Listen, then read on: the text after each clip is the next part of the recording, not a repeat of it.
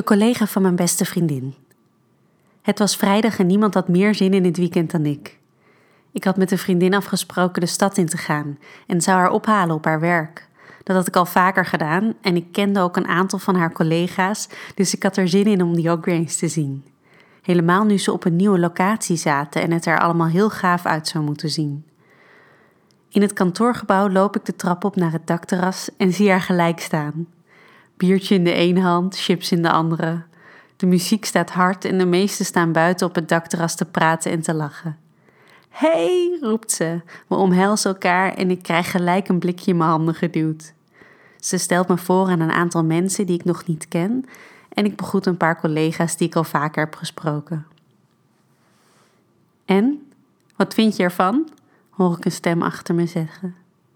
Ik draai me om en zie Jacob, een van de collega's die wel eens mee is geweest met eerdere stapavonden. Van jullie nieuwe kantoor? Ja, dit is natuurlijk super gaaf, zo'n mooi dakterras met zo'n uitzicht over de stad. Maar verder heb ik nog niet veel van het kantoor gezien, eerlijk gezegd, antwoord ik. Echt niet? Zal ik je een rondleiding geven? Daar ben ik heel goed in.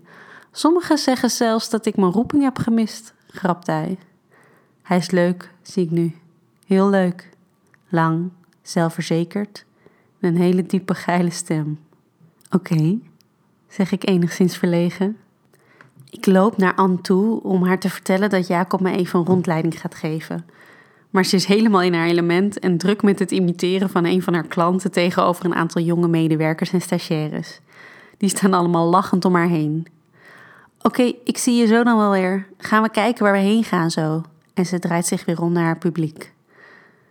Ik gooi mijn hoofd naar achter en giet de laatste slok bier uit mijn blikje in mijn mond.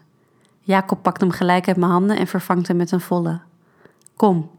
Hij legt zijn hand op mijn rug om me te leiden. Het is een aanraking die normaal misschien niks voorstelt, maar waar ik me opeens heel bewust van ben.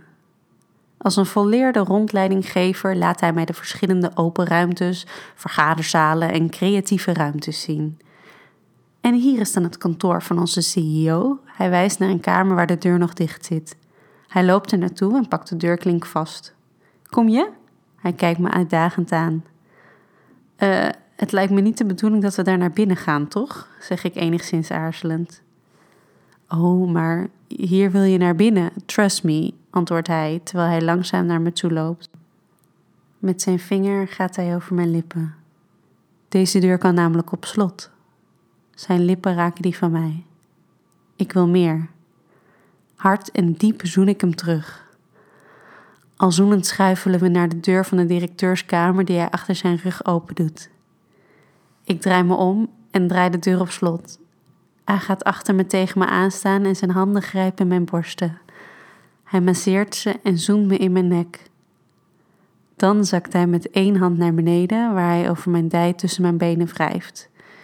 Ik draai me om en zoen hem hard en diep.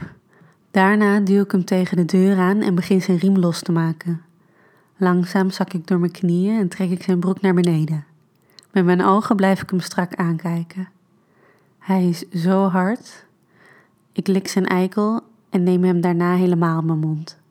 Zijn handen pakken mijn hoofd vast en hij laat een kreun ontsnappen. Voordat ik de kans krijg verder te gaan, zakt hij ook naar beneden en duwt hij me zachtjes op het tapijt. Hij trekt mijn strakke kokerjurk omhoog en kijkt verlekkerd als hij ziet dat ik er niks onder draag. Jezus, wat geil. En hij zakt met zijn hoofd tussen mijn benen. Hij zoent mijn dijen, mijn schaamlippen en likt mijn klit. Dan draait hij me om. Hij kneept mijn billen en komt dan in me.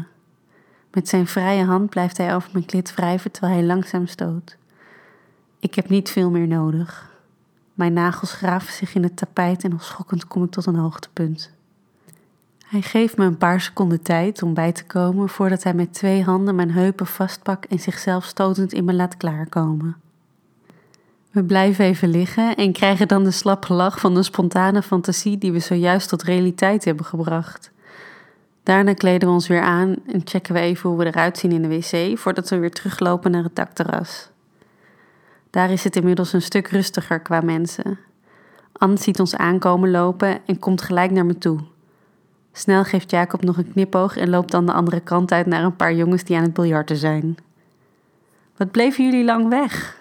Anne kijkt me argwanend aan. Aan mijn gezicht kan ze gelijk zien dat er iets is gebeurd.